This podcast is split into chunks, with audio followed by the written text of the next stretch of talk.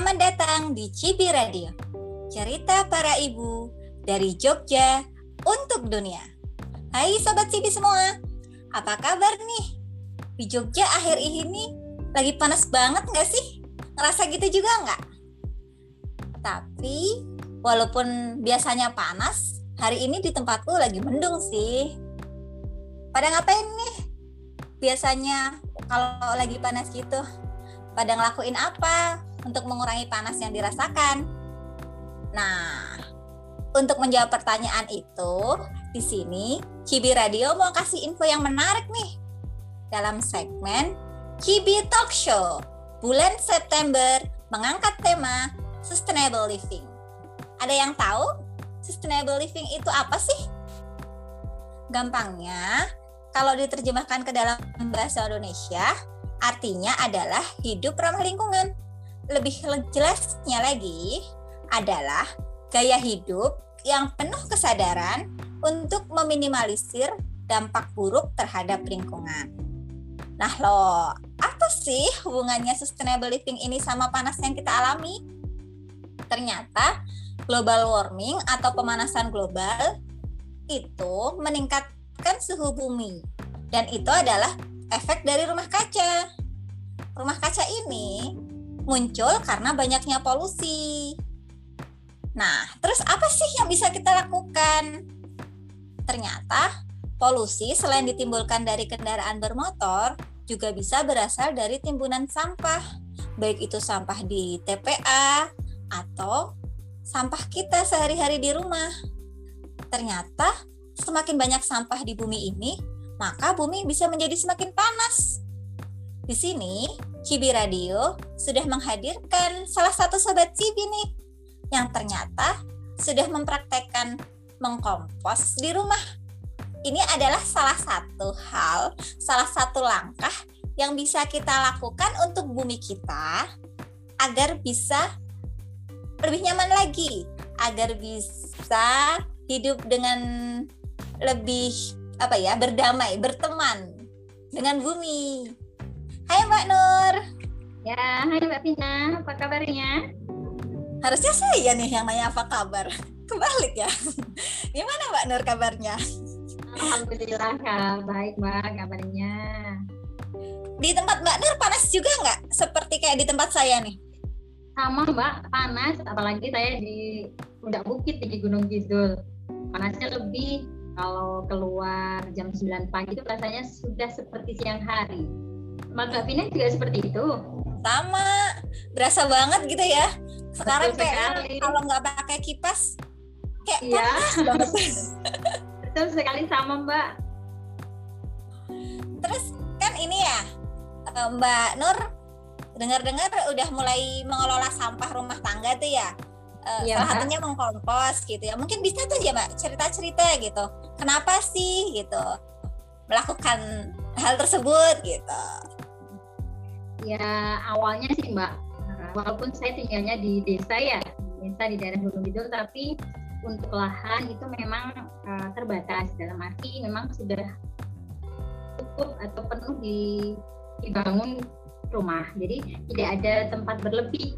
Sehingga kami merasa kesulitan ketika ketika harus membuang sampah. Nah, ketika aku itu belum mengelola sampah, sampah organik sama organik itu berkumpul jadi satu. Kami kumpul jadi satu, hingga sering ya itu terjadi uh, apa bau yang tidak sedap. Kemudian kalau musim hujan apalagi kita sangat sulit mengelola sampah itu karena kan sudah bertumpuk, kemudian terkena hujan jadinya basah sehingga susah untuk uh, dibakar.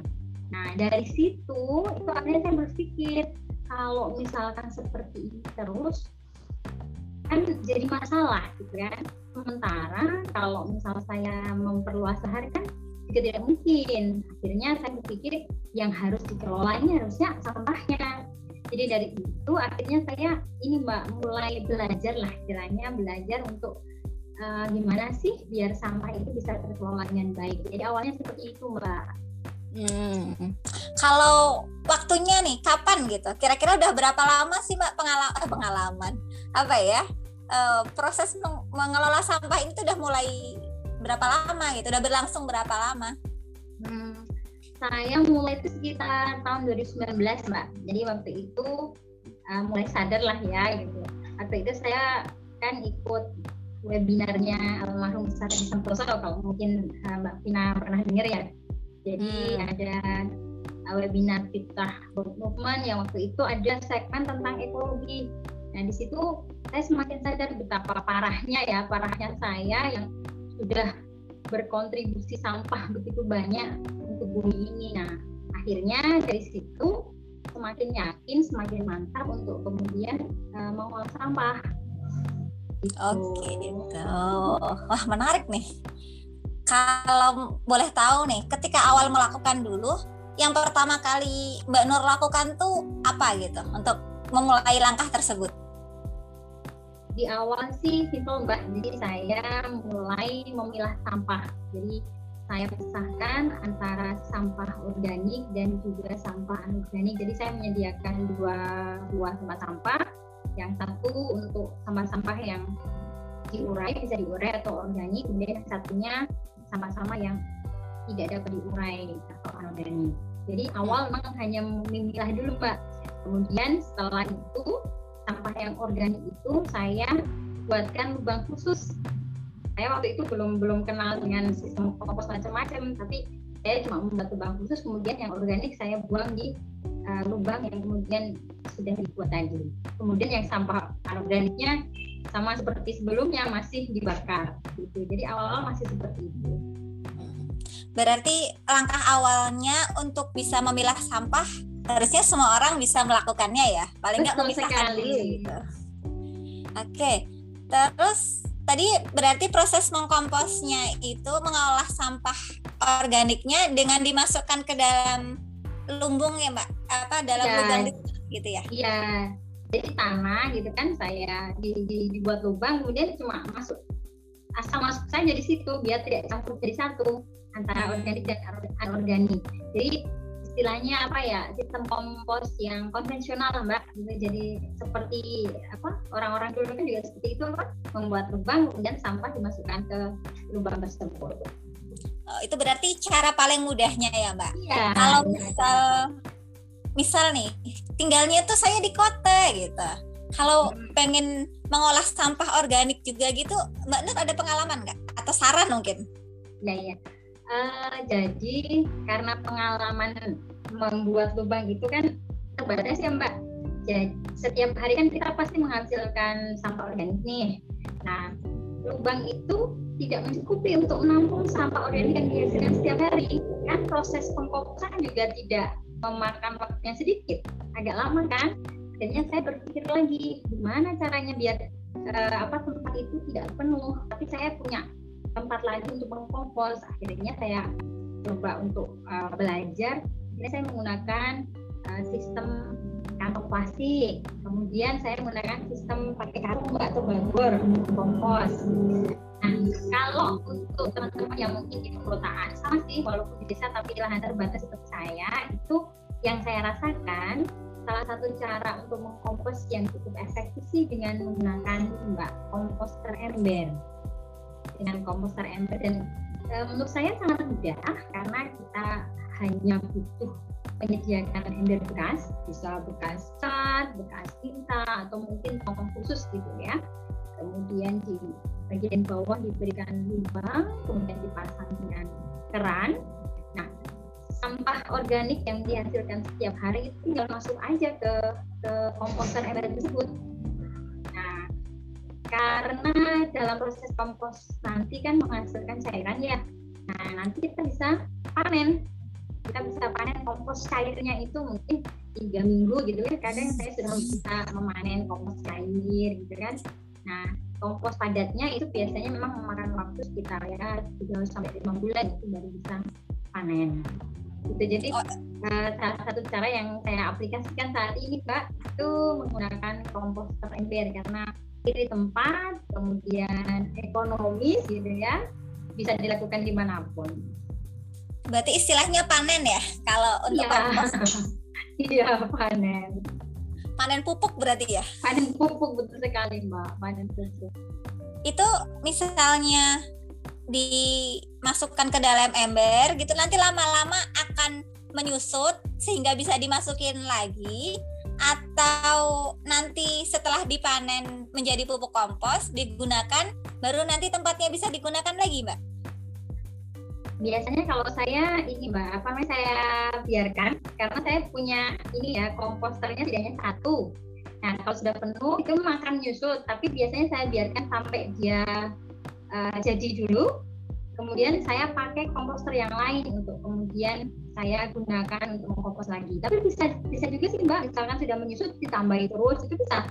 Bisa juga sampai kemudian nanti dia akan penuh uh, sendiri de, dengan kompos itu dengan hasil kompos itu bisa juga seperti itu. Atau mungkin tidak ditambah kemudian ditunggu sampai jadi. Atau mau ditambah terus sampai uh, penuh baru dipanen juga bisa. Oh. itu masing-masing sih. Berarti sesuai pilihan hati. Iya uh, kalau misalnya cuma punya satu komposternya ya ditambahin terus nggak apa terus menyusut ditambahin lagi gitu. Sampai kemudian penuh baru kemudian dipanen. Kalau udah jadi nanti berarti bentuknya kayak tanah sebagai media tanam gitu ya mbak? Iya mbak. Jadi kayak tanah yang teksturnya sih ini mbak. Apa? Tidak lengket tapi juga tidak tidak tidak tidak padat banget ya. Jadi kayak pasir gitulah kalau dipegang itu nggak lengket di tangan. Dan tidak bau. Dan tidak bau juga. Jadi kayak tanah betul-betul kayak tanah mapur lah istilahnya kalau bahasa oh, Jawa iya, ya iya. Pak itu berarti tanda ketika sampahnya sudah berubah menjadi pupuk kompos ya, ya dan bisa digunakan? bisa digunakan langsung digunakan diaplikasikan media tanam bisa atau untuk menambah uh, di bagian atas untuk memupuk juga bisa. Oh gitu. Jadi kalau Mbak Nur sendiri merasakan manfaat dari mengkompos ini apa Mbak? Kalau boleh cerita tuh dari pengalaman Mbak Nur? Wah banyak banget Mbak dengan mengkompos ini. Uh, karena kami juga punya kebun pangan mandiri ya di depan rumah walaupun nggak nggak terlalu luas kan. Jadi hasil dari kompos ini kami gunakan sebagai media tanam jelas kemudian saya gunakan sebagai pupuk. Uh, pupuk organik cairnya yang dihasilkan dari cairan lindi tadi kita gunakan untuk menyemprot hama-hama yang mungkin muncul di, di tanaman atau bisa juga diaplikasikan langsung di tanah bisa juga uh, kita gunakan untuk starter kompos kan kita mau kompos lagi nih. Nah untuk starter lagi dimasukkan ke dalam ember yang mungkin akan kita kompos banyak sekali manfaatnya dan yang jelas yang kami rasakan sih uh, sayuran yang di dipanen setiap hari itu kita nyaman pak. Makanya karena apa karena sudah terjamin kan bebas pestisida karena kita betul-betul pun menggunakan hasil olahan sampah yang dihasilkan dari dapur gitu mbak berarti selain dapat manfaat dari sampahnya kita hmm. juga eh, eh mbak Nur ya kalau saya masih belajar mbak Nur juga bisa menggunakan dari itu langsung ke tanaman-tanaman yang ditanam di sekitar rumah ya? Iya, betul sekali. Sampah kita juga terolah, kita nggak mengumpul sampah, kita juga dapat manfaat untuk tanaman. Oh ya satu lagi Mbak, tadi saya lupa menyampaikan, selain saya bikin kompos, saya juga bikin ekoenzim. Oh apa itu Mbak? Ekoenzim. Itu, diceritakan itu sebenarnya cairan sejuta manfaat kalau saya bilang sih Mbak, karena dia juga jadi berasal dari apa namanya kulit kulit ini kulit buah. Nah kalau saya pilih kulit jeruk karena hasilnya nanti segar gitu. Jadi kulit buah itu nanti difermentasi difermentasi menggunakan air dan gula nah setelah tiga bulan nanti uh, ekoenzim itu ekoenzim itu setelah difermentasi tiga bulan itu bisa jadi bahan untuk membuat sabun sampo hand sanitizer cairan pembersih piring, cairan untuk pembersih lantai, untuk pokoknya manfaatnya banyak untuk pupuk juga bisa, untuk apa pestisida bisa, pokoknya sudah manfaat banyak sekali manfaat yang bisa didapatkan dari ekoenzim. Wah, Dan, menarik. Iya. Dan ini ano ya, perlu disebarluaskan ini. Betul. Berarti selain mengkompos, Mbak Nur melakukan upaya apa lagi kah untuk menerapkan sustainable living gitu? Oh, jadi dari mengkompos Pak, akhirnya kan saya berpikir Mbak, wah kalau meng, cuma mengkompos ini kan yang saya olah hanya sampah organik saja. Nah, bagaimana dengan sampah organik saya, gitu kan? Nah, akhirnya saya berpikir sampah organik itu kan sangat susah untuk dimulai ya. Bahkan kalau plastik itu kan kita butuh ribuan tahun untuk bisa terurai. Akhirnya kami sih sekarang ini baru mulai menerapkan diet plastik, mbak. Ya, jadi kita berusaha seminimal mungkin ya menggunakan plastik. Jadi misal ketika belanja kami membawa kantong plastik sendiri, kemudian uh, ketika bepergian membawa tumbler dan mengurangi membeli uh, barang atau bahan yang memang dibungkus dengan menggunakan plastik. Jadi biasanya kami punya langsung ke pasar tradisional dan uh, meminta untuk ya bungkusnya pakai daun atau mungkin kita bawa sendiri apa namanya ini bungkusnya dari rumah. Nah selain itu kami juga ini mbak menerapkan kebun pangan mandiri itu tadi ya yang bisa mengurangi apa karbon footprint lah istilahnya jejak karbon misal kita harus pergi ke sana kemari untuk membeli bahan pangan karena di depan rumah itu atau di sekitar rumah sudah ada tanaman yang bisa kita gunakan untuk mencukupi kebutuhan sehari-hari maka kami tidak perlu. Nah, selain itu jejak karbon yang kami kurangi adalah kami memilih menggunakan sepeda atau jalan kaki ketika uh, mau pergi ke suatu tempat. Mobil ataupun motor itu pilihan terakhir. Ketika kami memang tidak bisa menjangkau tempat tersebut dengan menggunakan sepeda atau misal jalan kaki. Apalagi ya mbak? Hmm, oh iya kami juga ini mbak saya akhir-akhir ini karena kan perempuan juga nggak lepas dari namanya kosmetik ya mbak. Nah saya mencoba ini beberapa waktu ini membuat apa ya bahasanya racikan sendiri lah racikan sendiri untuk kebutuhan apa ya kosmetik di rumah gitu. jadi yang kemarin saya upayakan untuk dibuat sendiri itu ada deodoran kemudian krim tapi krim untuk ini ya untuk kaki ya. Cenderung kalau panas kemarau gitu kan kaki mesti pecah-pecah ya mbak ya nah saya membuat sendiri krim untuk kaki kemudian minyak rambut. Suami kan pasti pakai minyak rambut dan saya coba untuk sendiri. Kemudian minyak yang biasa kita ingin untuk anak-anak saya juga bikin sendiri. Yang bahan utamanya itu menggunakan minyak kelapa atau PCO yang minyak kelapanya ini saya juga bikin sendiri sekarang kak.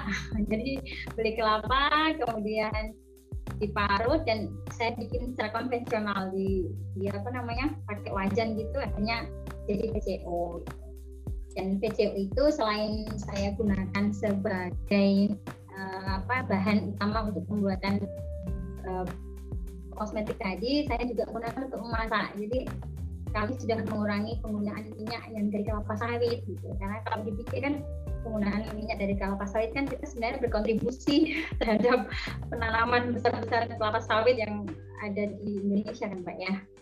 Gitu. biasa. Jadi itu beberapa hal yang saya usahakan bersama keluarga untuk mengurangi ini ya istilahnya apa kontribusi sampah kami terhadap bumi. Bukti kita mencintai bumi lah ya mbak ya. Ya betul mbak. Kalau tantangannya apa sih mbak e, melakukan itu gitu. Atau mungkin gimana sih awalnya gitu bisa memutuskan seperti itu? Penasaran saya. Awalnya ya awalnya sih apa ya mbak? Uh, saya sama suami sih ini awalnya kita kan sering punya alergi terhadap makanan awalnya sebenarnya itu gitu kan. Ternyata beberapa makanan yang memang uh, kami konsumsi itu tidak cocok masuk ke tubuh lah istilahnya seperti itu. Kemudian kami mencoba untuk mengubah pola makan, pola makan yang kami terapkan setiap hari itu dengan memperbanyak sayur, memperbanyak buah gitu kan.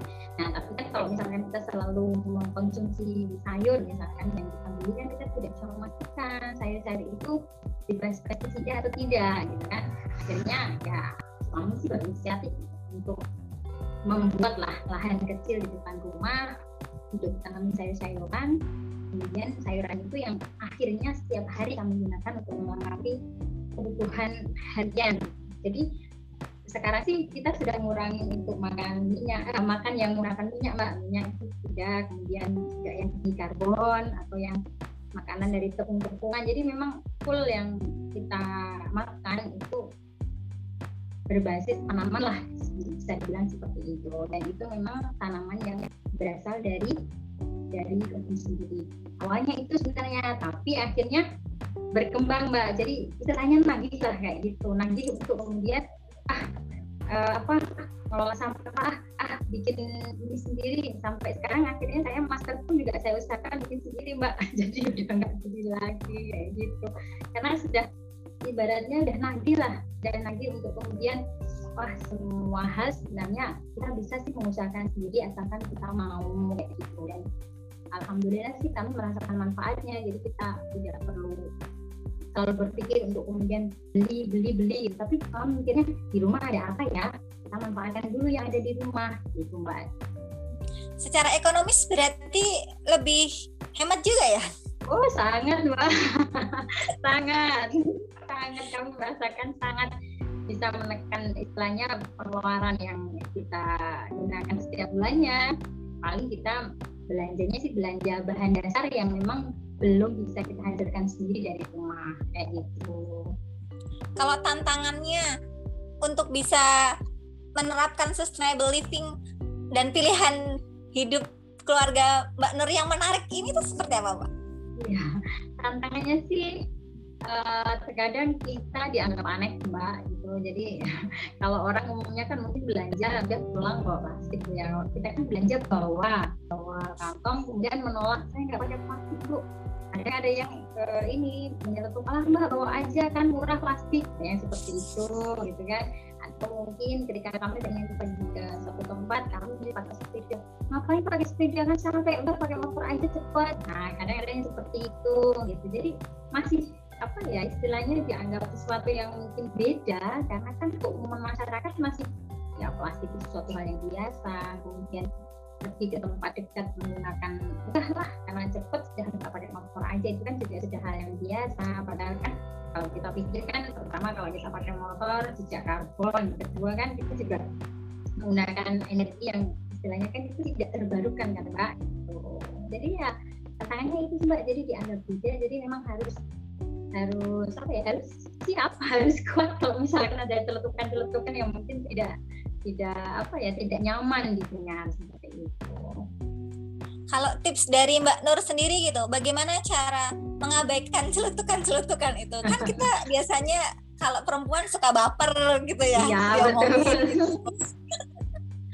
Kalau tips uh, dari kami sih untuk teman-teman yang pengen naik penting sih, yang pertama sih perbaiki dan kuatkan niat ya. Karena kalau niat kita itu sudah apa ya sudah sudah kuat itu nanti ada masalah apa pun Allah tetap bisa jalan gitu soalnya kalau niatnya itu mungkin hanya untuk apa tren di, dianggap wow dan sebagainya itu biasanya kalau ada masalah ya sudah berarti seperti halnya mengkompos mbak kan?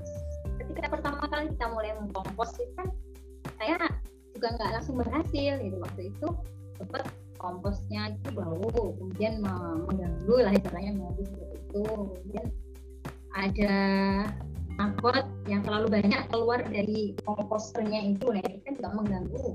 Tapi masalah itu akhirnya kami coba untuk carikan solusinya dan alhamdulillah sampai sekarang sudah ada atasi nah misal kalau ada masalah kan kalau niatnya sudah kuat insya Allah masalah itu juga akan ditemukan solusinya. Kemudian yang kedua itu temukan sahabat atau komunitas ya yang juga melakukan hal yang sama seperti yang kita lakukan. Karena dengan adanya sahabat atau komunitas itu bisa bisa menguatkan bahwa itu nggak sendiri loh. Kita itu punya teman-teman kita itu punya orang-orang yang melakukan yang sama untuk istilahnya uh, berbuat ramah lah buat bumi untuk berbuat sesuatu untuk bumi. Jadi ketika ada komunitas itu apa ya rasanya? Kalau ada masalah itu kita bisa berbagi kita bisa cari solusi bersama dan kemudian yang ketiga sih ambil ilmu mbak. Karena ilmu tentang ini ya sustainability ini nggak nggak ada habisnya lah. Kayak kemarin saya akhirnya ya belajar tentang bagaimana menjahit gitu kan. Padahal sebelumnya sama sekali saya belum pernah yang namanya megang menjahit gitu.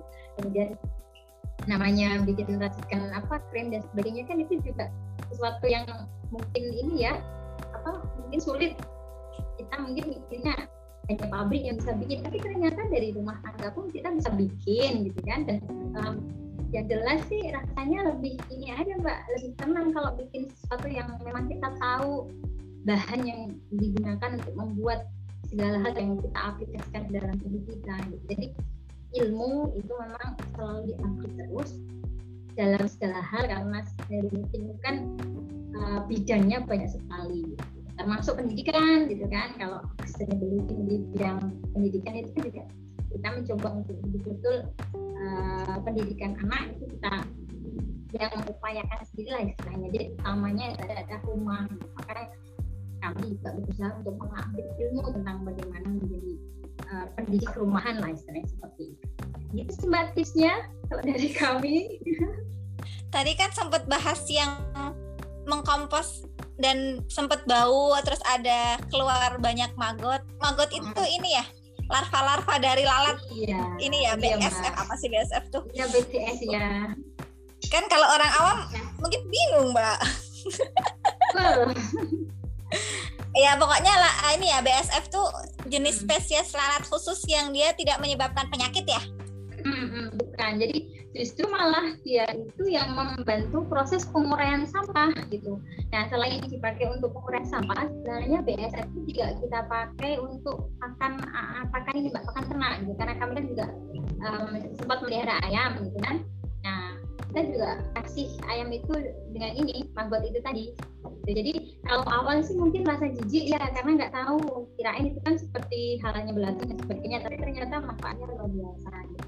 Nah kalau yang tadi kompos bau itu, nah itu mungkin ini mbak kombinasinya tadi perlu saya sampaikan ya, jadi ketika mengkompos itu memang harus ada kombinasi antara unsur hijau dan unsur coklat. Unsur hijau itu misalkan dari zat-zat kandungan, kemudian uh, kulit buah, kemudian daun-daun hasil pemangkasan gitu. Unsur coklatnya itu misal dari daun kering sekam dan juga apa serbuk gergaji ya.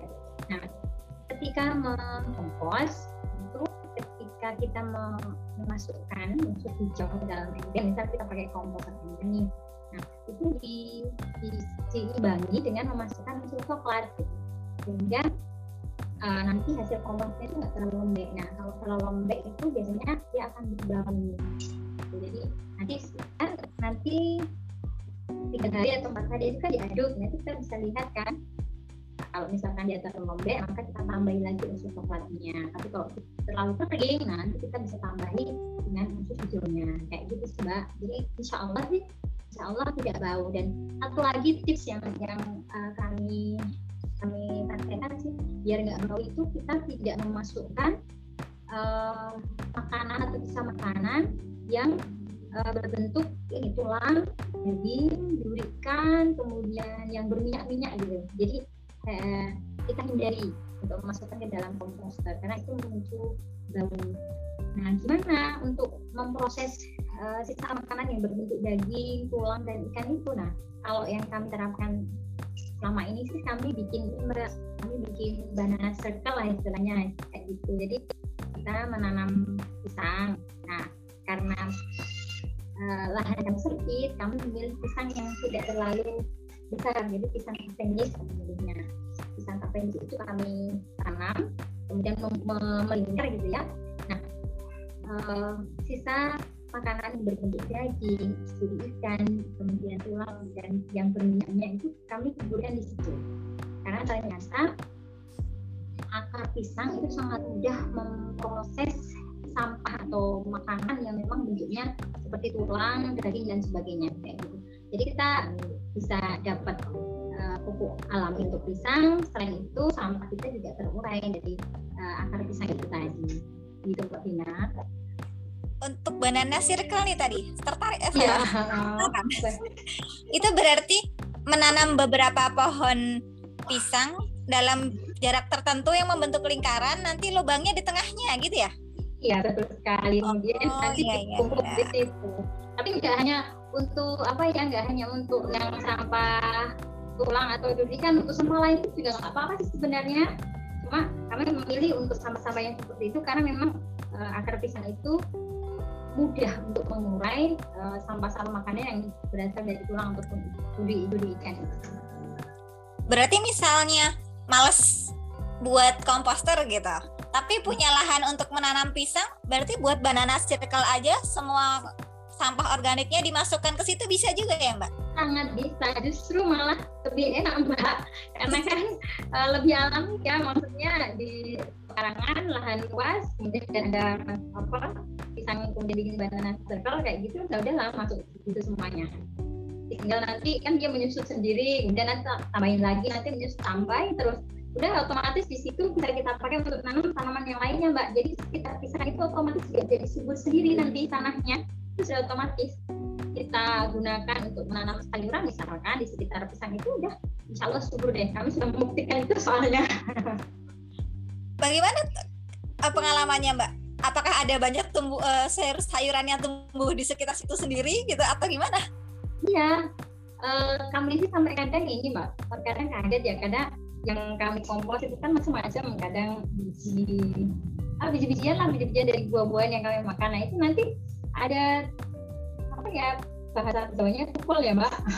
Oh iya iya. iya. Sendiri gitu ya? Iya di sekitar pisang itu sehingga ya otomatis kami uh, kami sebut sih juga sebagai tempat semai semai gratis ya atau semai gratis untuk tanaman-tanaman buah maupun sayur nanti tinggal kita pindahkan kalau istilahnya di tempat itu sudah terlalu penuh kita pindahkan di bibit itu ke tempat yang uh, apa namanya di luar seperti itu mbak Pina.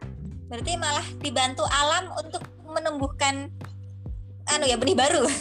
Betul sekali, betul sekali. Sebenarnya kalau proses kompos itu kan harusnya memang uh, benih itu teruraikan ya, tapi mungkin karena uh, dia ada di bagian atas ya bibitnya itu atau bijinya itu jadi malah dia uh, tumbuh gitu. Jadi sebenarnya kita dapat manfaat banyak sih dari kompos ini. Saya sih sudah merasakan seperti itu. Kemarin itu pengalaman saya yang cukup ini mbak.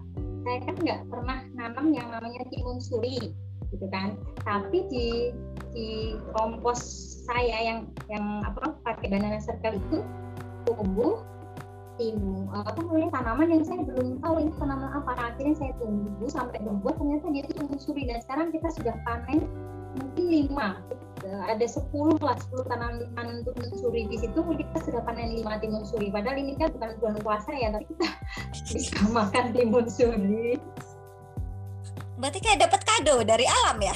Iya betul mbak. Kado gratis dari alam. Kayak gitu. Jadi kan kalau saya sama suami uh, apa usaha kita untuk mengkompos ini kan bagian dari sedekah kami untuk bumi karena kan uh, di bumi itu kan banyak mencoba banyak apa ya istilah hewan-hewan yang memang mereka membutuhkan makanan nah ketika kita membuangnya, mengembalikannya, gitu kan, mengembalikannya ke bumi kan mereka dapat makanan. Ini kan bahasa kami sih kami bersedekah untuk hewan-hewan tersebut, gitu kan, kayak gitu. Oh menarik nih istilah dan apa ya mindsetnya yang dibangun. karena jadi kita melakukan itu ringan gitu ya, karena kita tahu oh itu sebuah kebaikan gitu. Kita berkontribusi untuk kehidupan makhluk lain gitu walaupun bukan manusia gitu. Betul sekali gitu mbak. Kalau pengalaman paling menarik selama melakukan kompos atau melakukan pilihan-pilihan hidup yang menerapkan sustainable living apa mbak?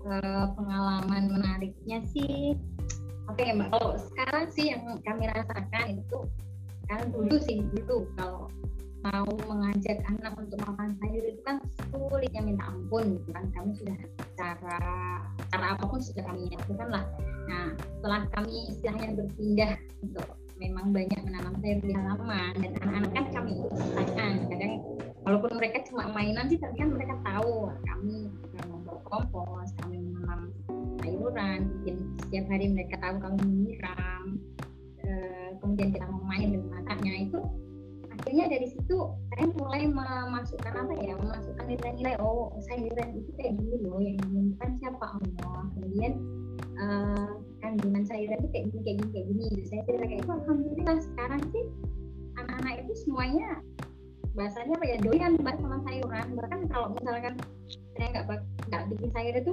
yuk uh, bikin sayur dong makanan sehat gitu. Sehingga ketika mereka pergi ke ke mana misalnya ke pasar atau saya ajak ke apa beli sesuatu gitu mereka sampai aja bisa membedakan bu yang itu makanan nggak sehat ya bu ya? Gitu.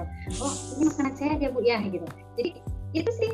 Padahal saya tadinya memang tidak ada pikiran sampai sejauh itu gitu tapi alhamdulillah akhirnya secara otomatis ya mbak. Mindset berpikir anak-anak itu akhirnya apa ya tumbuh secara sendirinya kayak gitu. Dengan kami uh, menerapkan hidup ya hidup apa ya kalau kami sih istilahnya ini hidup sederhana mbak. Karena kan nggak neko-neko semua ya kayak gitu aja. Makan sayur kemudian dari kebun sendiri kayak mbah-mbah zaman dulu mbak ya.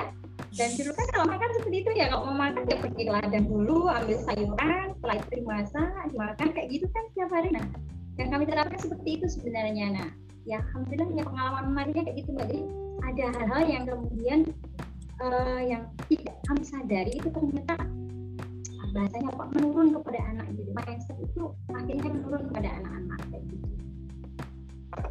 Oh, Mbak Nur bilang hidup kayak zaman dulu, tapi orang zaman dulu tuh sehat-sehat loh.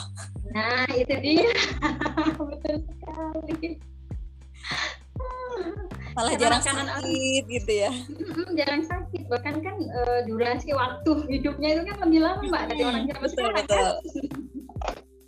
dan cenderungnya lebih kuat-kuat gitu ya walaupun udah tua masih sanggup melakukan banyak hal karena memang mereka juga makanannya kan juga nggak neko-neko kayak orang zaman sekarang kan mbak yang banyak tambahan bahan aditifnya lah istilahnya seperti itu kalau dari mbak Nur sendiri kira-kira kalau orang-orang yang biasa hidup ya seperti yang diketahui lah ya dengan banyak teknologi, dengan segala kenyamanan dan tidak peduli dengan sampah gitu. Kalau misalnya mau mulai merubah hidup gitu, cara paling awal yang bisa dilakukan kira-kira apa mbak? Yang paling gampang mungkin? Hmm, kalau buat teman-teman yang mungkin pengen mulai ya, ya dengan hidup apa ya sustainable living ini, pokoknya jangan ragu lah untuk memulai gitu, karena uh, kita mengingat bahwa di dunia ini kan kita manusia itu nggak hidup sendiri. Jadi ada hewan ada tumbuhan ada makhluk Allah lain yang juga mereka membutuhkan bumi ini untuk hidup gitu loh. Nah kalau semua kekayaan bumi ini dikeruk semua manusia gitu kan itu kan ibaratnya akan terjadi ketidakseimbangan dan kita tidak tahu bom waktu dari ketidakseimbangan itu akan terjadi kapan. Dan mungkin akan terjadi di uh, masa anak kita nanti nah, kalau mungkin ditanya tentang kabar bumi kalau misalkan kita tanya bagaimana kabarmu hai bumi itu mungkin mereka akan atau bumi ini akan menjawab aku sudah menyerah dengan tingkah laku manusia saat ini. Mungkin akan seperti itu ya. Makanya dari itu kalau misalkan kita uh, pengen menerapkan ya sudah nggak usah ragu lagi. Karena insya Allah manfaatnya itu nggak secara fisik karena manfaatnya itu juga kita dapat uh, apa ya ke hati lah istilahnya ke, ke hati kita. Dengan apa? Dengan akhirnya kita itu nggak mikir yang neko-neko. Misalkan di rumah kan sudah ada pasang sendal gitu kita nggak nggak mikir lagi untuk kemudian beli. Misalkan ada apa namanya diskonan besar itu nggak nggak mikir lagi untuk ah mau diskon beli. Tidak. Tapi ah sudah ada di rumah sudah ada tidak perlu lagi. Baju juga seperti itu makanan juga seperti itu. Pokoknya kita jadinya nggak neko-neko lah gitu. Jadi manfaatnya itu tidak hanya secara fisik kita tapi hati kita itu lebih tenang. Jadi lebih tenang tidak berpikir lagi untuk menumpuk segala barang di rumah. Jadi ya kalau yang pengen mulai sih tanpa tapi tanpa nanti lah Mbak Pin jadi insya Allah berkah nanti kalau kamu sih kayak gitu. Wah, luar biasa. Ini sentilan buat saya ini. Sepanjang uh, diskusi kita tadi, menurut saya sangat banyak sih hal-hal yang bisa diambil gitu dan bisa diterapkan sebenarnya ya kalau mau gitu ya mungkin kuncinya ya kalau mau. Ya betul tapi yang penting kan mau. Insya Allah akan mampu. Kalau mau itu pasti oh, akan betul, mampu mbak. Wah nggak terasa nih mbak Nur kita sudah bercakap-cakap cukup lama ya. Dan kalau menurut saya semua isinya apa ya? Kalau zaman sekarang mungkin bilangnya daging gitu. Kalau boleh nih mbak Nur mungkin closing statement gitu ya atau kesimpulan eh bukan kesimpulan lah. Pesan gitu kali ya pesan-kesan. Pesan-pesan untuk teman-teman gitu atau pendengar Cibi Radio. Terkait sustainable living kalau dari Mbak Nur apa nih? Nah kalau dari saya sih yang jelas uh, dengan hidup lebih ramah lingkungan dengan hidup sederhana itu kita bisa apa ya tenang. Karena kita berbagi dengan makhluk Allah, makhluk Allah lainnya ada di bumi dan untuk memulainya jangan tunggu lagi gitu. pokoknya tanpa tapi tanpa nantilah segera memulai. Karena insya Allah uh, Allah itu akan memampukan orang yang mau. Jadi kuncinya itu mau dulu. Ketika kita sudah mau insya Allah Allah akan memberi kita kemampuan. Allah akan memberi kita jalan. Pokoknya ide itu ada aja. Ketika kita memang sudah mau dan punya niat lurus untuk menerapkan hidup yang ya bahasanya ramah lingkungan jadi mungkin itu Mbak Vina pesan untuk teman-teman yang mungkin uh, mau memulai hidup yang lebih uh, sustain Luar biasa Mbak Nur, terima kasih banyak atas kesempatannya, atas waktu yang diberikan gitu ya, atau di antara semua kesibukan Mbak Nur. Ya, sama-sama ya, Mbak, Mbak Nur ya. Buat teman-teman yang mau memulai gitu, mungkin bisa dari hal paling kecil, seperti tadi memilah sampah dulu tuh itu dipisahkan antara yang organik dengan anorganik. Menghemat air jadi nggak usah boros-boros. Menghemat listrik jadi hanya menggunakan yang diperlukan saja. Terus menggunakan transportasi yang ramah lingkungan mungkin sepeda atau jalan kaki yang kira-kira bisa mengurangi lah gitu ya polusi di bumi ini gitu. Kalau seperti bahasanya tadi bahasanya Mbak Nur tadi kita bersedekah kepada bumi. Bagaimana kita bersedekah gitu. Dan itu mungkin bukti cinta kita juga gitu ya kepada bumi ini dan syukur kita kepada Allah gitu karena telah memberikan berbagai kesempatan, berbagai fasilitas gratis lagi. Oke. Sekian segmen talk show Cibi pada bulan ini dengan tema sustainable living. Sampai jumpa pada talk show talk show berikutnya yang tidak kalah menarik lagi. Dadah semuanya, sampai jumpa.